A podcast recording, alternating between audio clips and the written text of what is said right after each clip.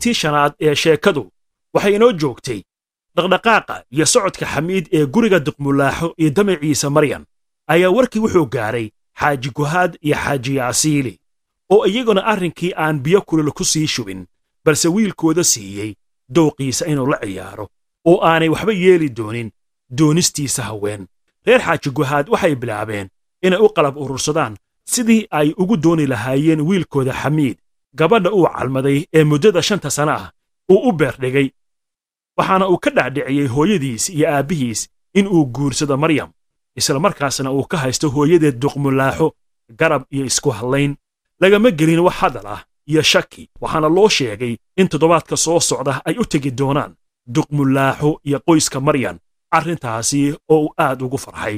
Maryam iyo aamiin wax weyn kalama socdaan sida ay wax u socdaan iyo webiga biyaha ee ku soo fool leh jacaylkooda kaasi oo laga yaabo inuu qaato beerihii ay tacbayeen muddada dheer. Xamiid oo aad u farxsan ayaa hadda u yimid duqmulaaxo. Wuxuu u sheegay in hooyadiis iyo aabbihiis uu u soo bandhigay guurka maryam. Mulaaxo iyaduna hadalka ma odhan waxayna xamiid ugu qalbi qaboojisay in wax walba xaggiisa ay noqon doonaan oo ay maryam ka dhaadhicin doonto aqbalaadda guurkooda. Maryam iyo hooyadeed duqmulaaxo waxay hadda albaabka isugu laabeen dukaankoodii.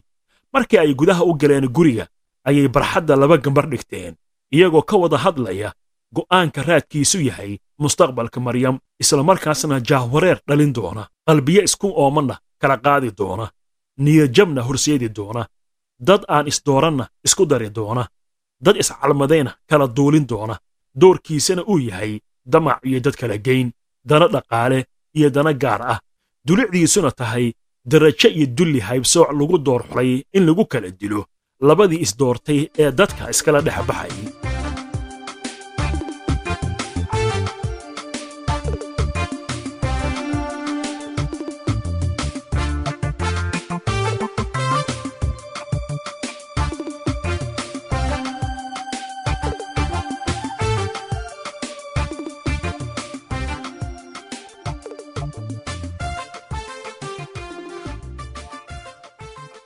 duqmulaaxo waxay u soo bandhigtay maryam in reer xaaji guhaad ay soo dooni doonaan oo ay wiilkooda xamiid u doonayaan inay isguursadaan.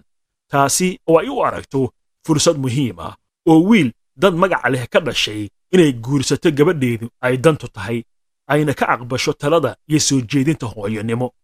Maryan oo aan weli jawaabin balse qalbijab dareemaysa ayaa hooyadeed waxay leedahay hooyo waa inaad ka faa'iidaysataa fursaddan. Waxaan rabaa inaad magac yeelato oo aad guursato dad magaca leh oo nolol wanaagsan ku nool. Ma habboona inaad nolol la qaybsato qof aan waxba haysan. Hooyo iga aqbal guurka xamiid. Maryam hooyadeed iyadoo ixtiraamaysa aanna doonayn inay hadal qalloocan ku tidhaahdo ayaa waxay ugu jawaabaysaa.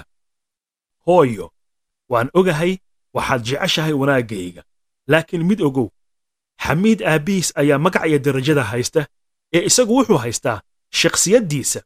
Middeeda kale amiin waa nin leh mustaqbal iyo hami waxhayntu waa xagga alleh waa wiil yar oo shaqo hadda bilaabay. Noloshiisana jecel inuu dhisto. Duqmilaaxo ayaa hadalkii ku kala goynaysa hadda maryam. Waxay hadalka ku soo daraysaa dhaqanka foosha xun ee haybsooca ah ee soomaalida qaarkeed ku faquuqaan. Dad kale oo soomaaliyeed laakiin maryam hooyadeed waxay ku qancinaysaa in qof kasta oo ilaahay abuuray oo diin iyo sharaf leh uu la mid yahay kan kale oo aanay jirin wax nasabnimo iyo kala sarrayn la isdheer yahay. Hadalkaasi kama daadigin duqmilaaxo iyadoo aad uga caraysan go'aanka ay ku dheggan tahay maryam ayay ugu jawaabtay in haddii ay duca rabto oo ay wax ka maqlayso ay aqbasho guurka xamiid warkuna intaasi uu ku ekaado oo ay joojiso diidmada iyo madax adayga haddii kale ay danaysato oo ay qaadato taladeeda iyo go'aankeeda. Maryam iyo hooyadeed habeenkaasi go'aan la'aan ayaa lagu kala hoyday. Waxaa lagu ballamay in laysku soo noqdo idanka eebbe iyadoo duqmulaaxo maryam qolkeeda sii gelaysa dhagaha ugu sii shubtay in berri markay shaqada ka timaaddo go'aan ula timaaddo. Iyo inaysa sugayn muddo dheer inay kala maqnaato go'aanka in xamiid xaaji guhaad guurkiisa diyaar u tahay iyo in kale. Maryam waxay ugu jawaabtay hooyadeed hooyo insha allah wanaag ayay ku dhammaanaysaa.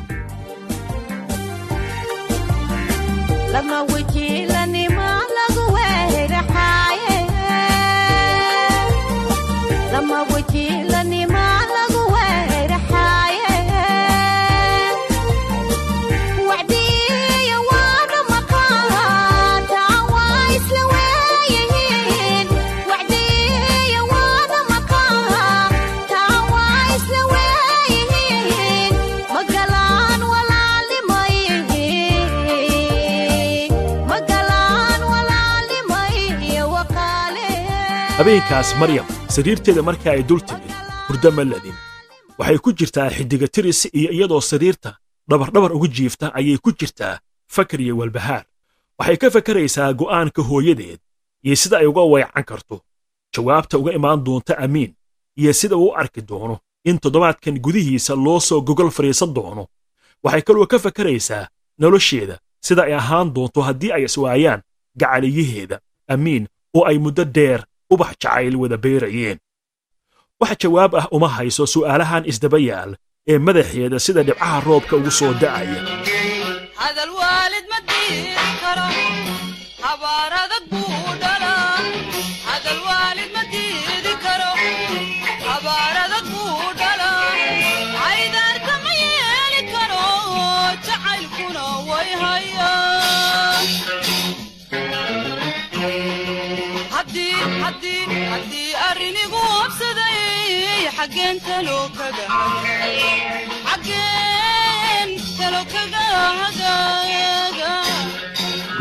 u ciyar qabo oo ay arooryo tahay welina sidii fakarkii ugu jirta ayaa hadda maryam waxay istustay tala cusub oo ka madax bannaan duqmulaaxe iyo amiin.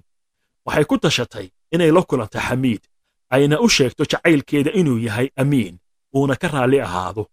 Isagoo weliba xushmaynaya dareenkeeda uuna ka daayo culayska danaha dhaqaale ku lamaansan ee uu ku hayo duqmulaaxo waxay taladaasi la noqotay tan ugu habboon ee ay ku badbaadin karto caashiqeeda cagaha adag aan ku taagnayn ee cadowgu ciribtiri rabo. Hurdo iyadoon habeenkaasi ladin ayay sidii ku aaday shaqadeedii. Waxaa sidii caadiga ahaa xafiiska wasaaradda ugu yimid xamiid oo baadigoob ugu jira inuu ka war helo waxa ay damacsan tahay iyo kulankii hooyadad ayla la yeelatay wixii ka soo baxay xafiiskii maryam ayuu soo galay isagoo xoogaa welwelna uu ku jiro. Markii ay aragtay maryam xamiid oo soo gelaya ayay inta istaagtay xaggiisa u soo dhaqaaqday. Iyadoo hadal aanu ka soo bixin ayay la soo baxday warqad cad. Inta miiska saartay farta ku fiiqday ayay leedahay xamiid imaqal walaalow xumaan ha iga raadsan. Ma u jeeddaa warqaddaas? Sida ay u caddahay? Waxaa qalbigayga ugu cad yahay oo farta xaashidan lagu qori lahaa ku qortay amiin. Isaga ayaan jeclahay habeen iyo maalin. Maad iska keedaysid fadlan. Intii aanu jawaabin xamiid ayay u sii raacisay. Maxaad u dhaawacaysaa noloshayda. Waxaan kaa codsanayaa inaadan aniga iyo hooyaday iska keen hor keenin. Waxaan jeclahay amiin oo isaguna i jecel. Maryam oo weli hadalka u sii xiise qabta inay sii waddo ayaa waxaa hadda hadal kaftan ku jiro ku leh xamiid isagoo qoslaya ayuuna leeyahay. Maryam isdeji dabcan warqadda meesha ka muuqata wax ku qoran ma leh. Haddii qoraal ku qornaan lahaa waxaan istusi lahaa in wiilkaasi uu wax ku qortay qalbigaaga. Laakiin hadda waxaad itusaysaa waraaq aanay waxba ku qornayn. Marka iga daa ciyaarta oo hooyadaa wax ka maqal ha noqon qof caasi ah. Maryam oo xagga daaqadda u sii jeedda ayaa iyadoo saacadda eegaysa waxay ku leedahay xamiid fiiri ka dhex bax aniga iyo hooyaday. Damiirkii dhiig ma lihiin miyaa? Anigu waxaan doonayaa inaan nolosha la qaybsado amiin. Adiguna hablaha adduunka jooga miyaad ka laadahay mid as calmataan. Maxaad aniga igu falaysaa? Maryam aad ayay u xanaaqsan tahay laakiin xamiid waa khabiir waayo araga dantiisa inuu gaaro damacsan. Wax xumaan iyo cara ana midna kama qaadayo hadallada maryam. Isagoo kursi saaloota ah oo xafiiska dhex yaal. Salka sii dhigaya ayuu maryam oo weli taagan xagga daaqaddana u jeedda ku leeyahay. Hablaha aad sheegayso iima muuqdaan. Adiga ayaan abbaaya macaan ku jeclahay. Iimana muuqdaan kuwa aad ii tilmaamayso. Ee qalbigu miyuu qaybsamaa? Maryam ayaa hadda dareemaysa in xamiid shabaqa uugu soo dhacay maadaama uu yidhi qalbigu miyuu qaybsamaa? Iyadoo geesgees u soo eegaysa ayay leedahay. Haa haddii aad og tahay in qalbigu aanu qaybsamin aniga qalbigayga amiin ayaa degay. Ma qaybsami kara ee ogow. Haddana waan baxayaa ee nabadgelyo. Xamiid isagoo istaagay xagga albaabkana saanta u sii qaadaya ayuu ku yidhi maryam. Waan ogahay in qalbigaagu aanu qaybsamayn laakiin mid xisaabta ku darso. Aniga qalbigaygu waa adiga. Adiguna qalbi kale ayaad ka hadlaysaa. Waad mahadsan tahay ee nabadgelyo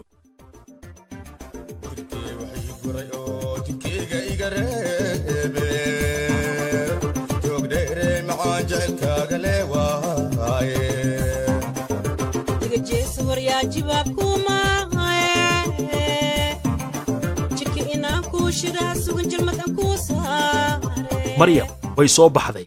Xitaa inuu soo qaado xamiid oo ay gaarigiisa soo raacdo way ka biyo diidday gawaarida dadweynaha ee bielka ayay soo miciinsatay waayo waxay diidaysaa in xamiid uu ku sii hayo jahwaririnta uu muddada dheer ku damacsan yahay inuu qalbigeeda uga duwo jacaylka ay u hayso amiin. Walaaca maryam haystaa ma ahan mid intaasi oo keliya ku eg. Waxaa guriga ugu horraysa duqmulaaxa oo ka sugaysa go'aanka guurka xamiid.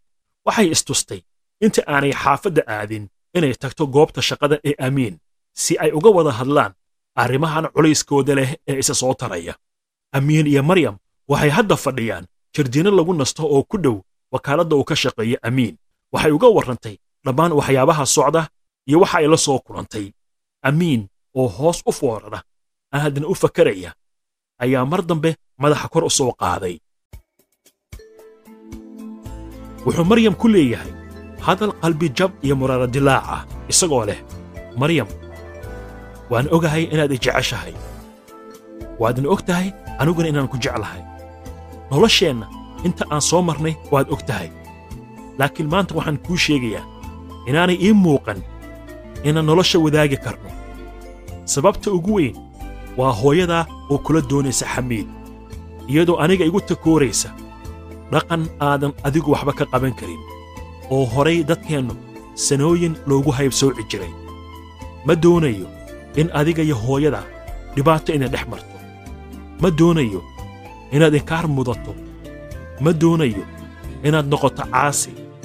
Anigoo ku jecel ayaan go'aan ku gaarayaa inaan liqo jacaylkayga.